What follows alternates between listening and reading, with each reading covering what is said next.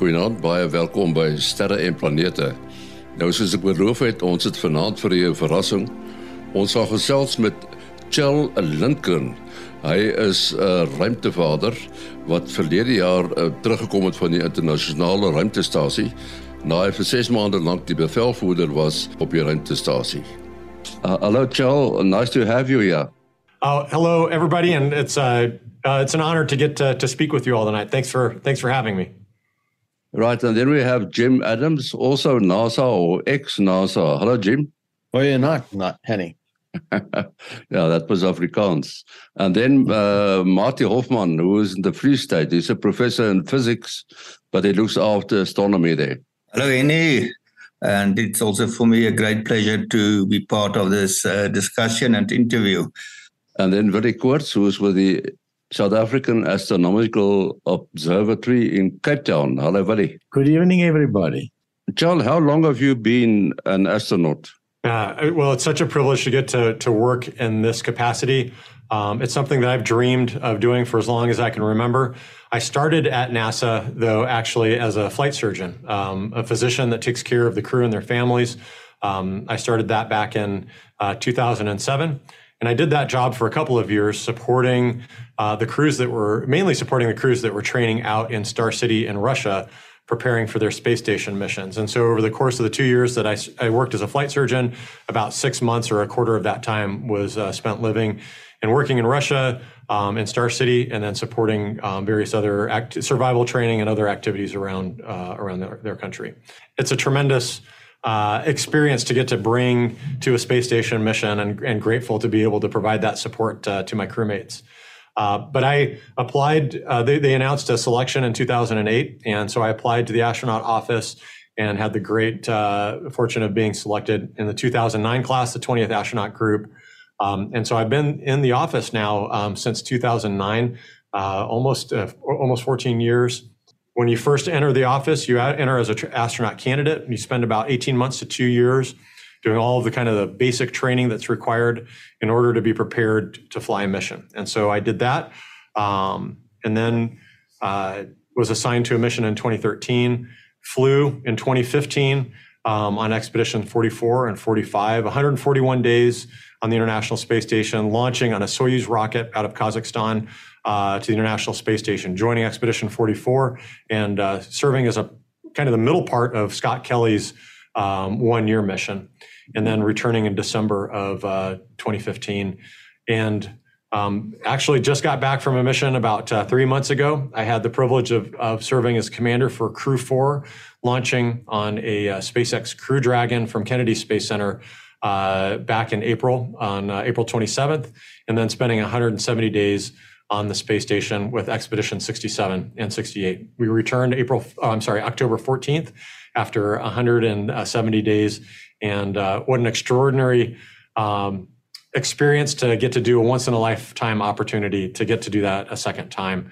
Um, but very, very grateful for that experience, uh, for a successful mission, and happy to be home uh, back with my friends and family. So there's uh, probably quite a difference between the the Soyuz and the, and the Dragon. There is, and uh, but what a privilege to to get to be a part of both of those systems. Um, I uh, really treasure the experience of getting to be a part of the the um, the training and the history uh, and the culture of of spaceflight, uh, flying with our, our Russian partners, um, getting to live and work in Star City, um, putting on a Sokol suit uh, that uh, and and and and serving in a uh, Soyuz spacecraft. Um, really, that's the third generation um, Russian spacecraft, and so getting to be a part of that was was a lot of fun. Um, but now, having had the opportunity to to work with SpaceX uh, prior to this this flight, I served as the backup for crew for the Demo Two mission, the very first flight, as well as the Crew One mission. Um, I served as our assistant to our chief astronaut uh, for commercial crew activities, specifically SpaceX, and so got to spend a lot of time in the test and development and verification for this Crew Dragon system, and then ultimately to get to fly on it, to serve as a as the commander for our mission, and to to ride in a vehicle that is really now the cutting edge of technology of of kind of uh, SpaceX or I'm sorry, space human spaceflight technology um, in a very different kind of environment and setting. You know, very clean lines. Um, our our main interface, you know, is uh, as a touch screen. Uh, very wearing very sleek suits. Um, the the physics of getting into space remain the same. Uh, we have to get up to 17,500 mile, miles per hour in order to get into to orbit.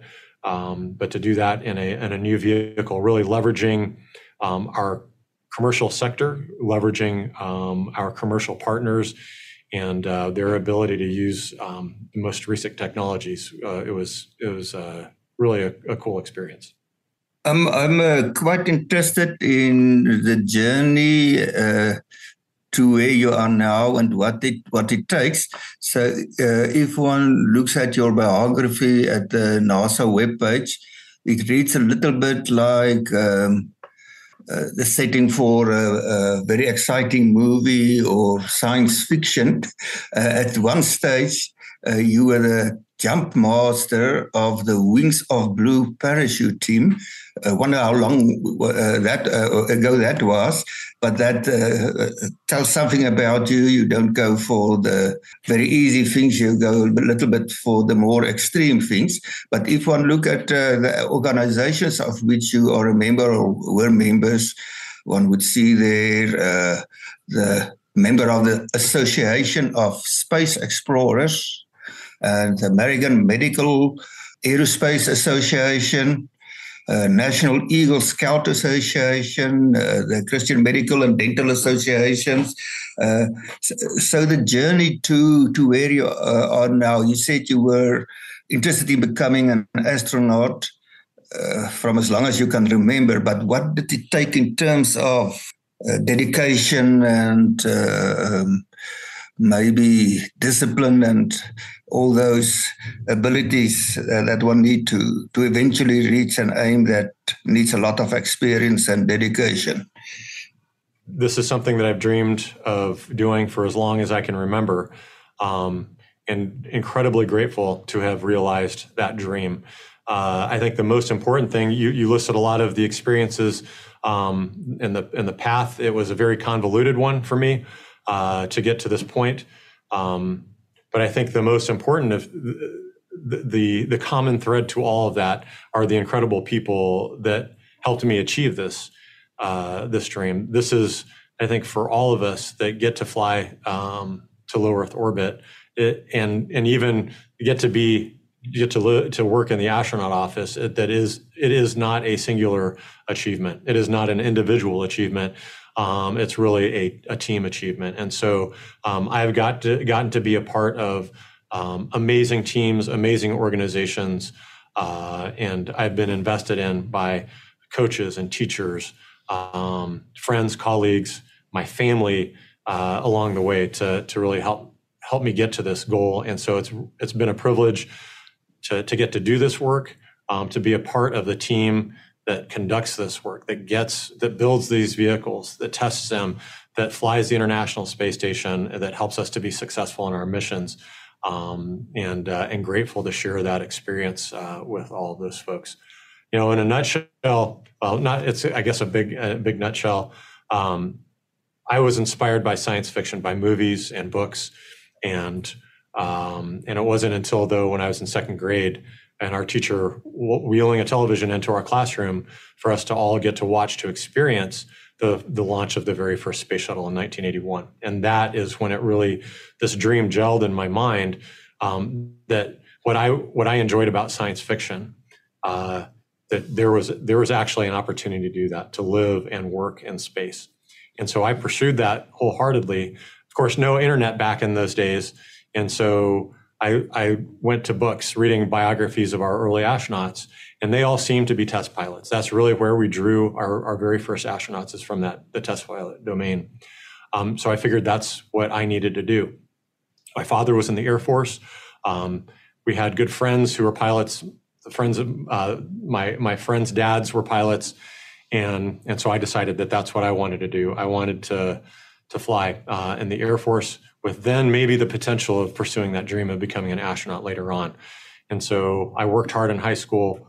Um, I got into the U.S. Air Force Academy, and it's there where that uh, that I had that opportunity of of being on the Air Force Academy's parachute team, the Wings of Blue. That was really born out of uh, and seeking to be a part of a small team doing amazing things. And I had experienced that in high school wrestling, and I was looking for that uh, in my academy experience, and and and so really found that the opportunity to challenge myself to be a part a part of a team that was doing something larger than ourselves and doing something that was exciting. Um, not only doing demonstrations for the Air Force, not only participating in intercollegiate and national competitions, but also getting to train fellow cadets and and train officers to do very their very first parachute jumps. That was that was a, a very uh, extraordinarily gratifying um, experience. And then after graduating from the Air Force Academy, I pursued my passion. Uh, I had I found a passion in biology and physiology, specifically how the human body uh, adapts to the weightless environment. And so I pursued a graduate degree in cardiovascular physiology and, and have the opportunity to actually do my master's research in the Space Physiology Laboratory at NASA Ames Research Center. And that was a dream come true. I went on um, and ultimately uh, um, separated from the Air Force and pursued medicine. Uh, I trained in emergency medicine and then aerospace medicine, and then um, had the great fortune to, to secure a job here at NASA at Johnson Space Center as a flight surgeon, and then went on to apply and and be selected into the astronaut office. So um, definitely not a direct route. There were obstacles and challenges along the way, and grateful for my family, for friends, for my faith, for all those people that invested me along the way to help uh, realize this dream. I can imagine that they can uh, they will be quite a difference in experience from jumping with a parachute, falling towards the earth through an atmosphere, and doing a spacewalk. I noticed that you have done two spacewalks. That uh, how do you compare those two experiences? Is there any similarities? Yeah, the fundamental similarity is that we're in free fall in both of those experiences. Of course, um, in space, we're falling around the Earth. We're surrounded by a vehicle that's also falling around the Earth. So within that vehicle, um, there's no relative difference in velocity or, or speed. And so we feel like we're floating within that vehicle. But in, in all truth, we are in free fall around the Earth. Uh, of course, on the Earth, we're in free fall uh, when once we jump out of the plane. Um, but you definitely uh, feel like you're falling. You, you feel the wind um, as you're falling through the the atmosphere, and you can see the the ground, the Earth getting bigger. And so there's definitely a sense of of, falling, and uh, and so you're uh, you rely on your skills uh, to deploy your parachute and deal with any issues that that, that arise. Um, but uh, it is a free fall experience. It, it, just definitely feels like you're you're falling. Um, during a spacewalk, there are there are uh, folks who have talked about in their memoirs how or written about how they felt like they were falling um, and were almost terrified to let go you know let go of the space station i can say that for myself i didn't feel like i was falling towards the earth um, i did get a sense of the how fast we were going as i would look back at the earth and and how fast we were going over the the the earth's surface and i definitely was not comfortable just letting go of the space station i always definitely made felt like I needed to make sure that I was attached to the space station. And we have multiple tethers and ways of doing that. Um, but it it was not a feeling of of being wanting to just release and and fly back against my tethers. Um, I definitely wanted to to feel secure. Yeah, I was just going to uh, ask Kjell if um, you know af- after such a fantastic journey to to the astronaut corps, um, you seem like a young man. Uh, and uh, it it uh, it occurs to me that um, you know you might be supporting Artemis and the journey to the moon. And have you got a vision for the future? Well, I know that uh, for myself, for our office, um, that we are in, incredibly excited about uh, this this new mission and this this path to the moon. Um, I think in my space station work, I felt like a bridge builder. That uh, that each of us that that served on the space station, we were doing the science and the operational research that was required to push further into the solar system, to extend our presence, um, and and also still to make life better back on Earth. And so we have realized that uh, that work in this new mission, um, the Artemis program, to return uh, to the the moon's surface. And so I think that we, we are all incredibly excited about that. Uh, excited that somebody, that one of our colleagues, one of our friends, is going to have that opportunity to to live and work on the lunar surface. Um, and then as that program continues, I think that there there may be opportunities uh, for us. There might be an opportunity for me, but for right now, I'm excited in to in in diving into the work to support our our this program's goals, our agency goals. Um, and our the, the, the goals of our international partnership. Uh, what an amazing way uh, to to accept this challenge, take on this challenge, um, to aim for the moon, but to do that as an international community and uh, to bring this the, the, very best of our experiences and our expertises towards that goal, um, achieving that goal, and then sometime in the future, uh, setting our sights on Mars. Yeah, I think a lot of our listeners don't fully understand that um, as part of the astronaut corps, um, only part of your duty is to fly. There's there's other That's things right. that you do that would be supporting things like Artemis or ongoing operations on the space station and that sort of thing. And um, in the just a minute that I have left, do you have? Um, can you let us in on what it is you're doing on the ground now that you're not flying currently? Absolutely. You know, being an astronaut is one of those interesting jobs where we are hired to fly in space. That is that is our job. Um, but we do that for a very small uh, a very small part of our career, and most of the time is spent here on the Earth, um, training for those flights, but also supporting um, the mission, supporting our colleagues, our friends, as they're preparing for their missions, as they're conducting their missions. We have astronauts sitting in mission control. Um, as Capcoms. We had astronauts this morning that were sitting in the EVA back room, uh, serving as advisors as our good friends Koichi and, and Nicole went out to do their um, spacewalk today. And uh, so we serve in those capacities, helping to train up the next generation of astronauts, doing outreach, having opportunities like this to, to speak with, um, with people who uh, act as force multipliers for our mission of of um, bringing people into the the absolutely uh, amazing things that uh, that we were accomplishing in low Earth orbit and the amazing things that we're going to accomplish on the moon. Um, and so, for me personally, right now, I'm still in my post flight. Uh, we get uh, some time after our missions to do the medical tests, the data collection, uh, the reconditioning that's required after a long duration flight like that. Um, we uh, do debriefs with all of the teams that help to support uh, our mission and our training.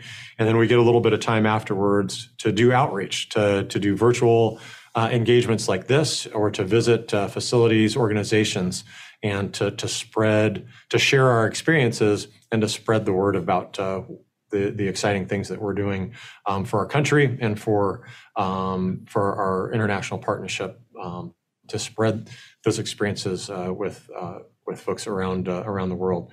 And so, if I do my sums correctly, it sounds like you spent 311 days in in in space already in in this weightless condition. And I remember being on a cruise ship and coming back afterwards. Uh, about a week or two later, you you can still feel the earth move because right. your yeah. your body your body is somehow still still thinking. So uh, uh, so I've heard that it's actually quite easy to learn how to behave in space. Uh, uh, uh, quite quite quickly, you know how to uh, how hard you could pull on something and stop yourself without ramming yourself into the into the into the side of the of the shuttle of the uh, spaceship. Um, but I believe it's it's almost uh, harder to unlearn when you get back on Earth. So, uh, so did you ever drop a cup of coffee or a pen or something coming back to Earth? I, I, would say that uh, it takes time to adjust to, to being in in uh, in low Earth orbit, to being in weight that weightless condition. Um, it's certainly self correcting. If you push off too quickly, you run into something. You learn very quickly, like how much force is required. Uh, but but there is a physiological adjustment. Our, your body has to adapt to that environment, and and so some crew members uh, initially upon arriving at the space station will will feel motion sick or uh, kind of the space motion sickness or space adaptation syndrome for for a few days. And and I suffered from that during my first mission. I felt way better the second time around. Um, but truly getting used to being on the space station and doing the work honestly it takes I think about 4 to 6 weeks. And I, and I think most folks would agree 4 to 6 weeks to really feel like you're adapted to that environment and effective and efficient in that environment. Um, basic life skills, sure, within a couple of days, I think you can survive on the space station. But really, to be effective, it takes a, a little bit of an adapt, adaptation time. And it's the same for coming home. Uh, we are our bodies have adapted then to, to that weightless environment, and it takes time for us to, to get used to being in gravity again. Um, we're certainly strong enough. Most of us come back stronger than we were when we um, launched because we're working out two hours a day. But uh, it takes time for our brains to adjust to how much force, how much um, muscle recruitment is required to perform certain activities. So we're a little clumsy. Uh, we've got neurovestibular uh, issues. We're a little dizzy because, again, we're getting used to that vector, that gravity um, acceleration, and our brains have to adjust to that. So I would say that takes a, for me, it took a couple of weeks, maybe a week, a week and a half to for the the dizziness, the neurovestibular um, system to readapt, um, and it takes you know for me about 30 to 45 days for your body to get used to gravity again. There's a lot of muscle soreness, low back pain. Um, just adjust, your your body is adjusting to carrying itself around in this uh, this gravity environment. Um, as for dropping something, um, I've heard those stories. I don't personally know anybody that has really experienced that. I, I kind of, and not to to pawn it off on a uh, on past astronauts, but I kind of feel like that that is something maybe a shuttle astronaut might have done. They're up there for a, a shorter period of time, and you might just kind of let things float because you're in a much smaller environment. On the space station, I cannot remember a single time where I intentionally let something float that I needed to stay, keep track of because within a minute, um, and I share that with all my, my crew members when I get up there, and, and we all marvel at how quickly and how easily it is, how easy it is to lose something. And so if you just let something float next to you, um, if your attention is diverted for even a few seconds, um, it is incredible how quickly that will, that thing will float away. So for me, it was it was anything that I had in my hands was always very intentionally velcroing it down, tucking it in under a bungee, um, and so when I got home, I never had this inclination of just letting something go yeah. to float in front of me. It was always like an intentional, like I'm going to put this somewhere. Um, so I've heard that story before, and I know that it, that's certainly happened to folks, uh, but I've never experienced that myself. Mm-hmm. Uh, uh, at least I uh, can imagine that in the space station you don't have to look for your cell phone every now and then because you probably don't use it. Well, we don't have cell phones up there, but we do use yeah. tablet computers for our work.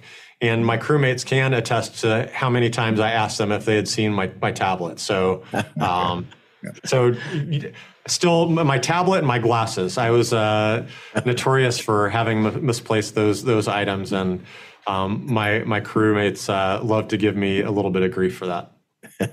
I, am now just wondering whether there's any medical analogy uh, between the feeling, okay, if you go and jump on a trampoline for a very short time, few minutes, and you get off, you uh, feel very strange only in that very short time because of this additional jumpiness of the trampoline, and then suddenly you don't have. Uh, so it's on a very short time scale compared to what you you have explained of a few weeks.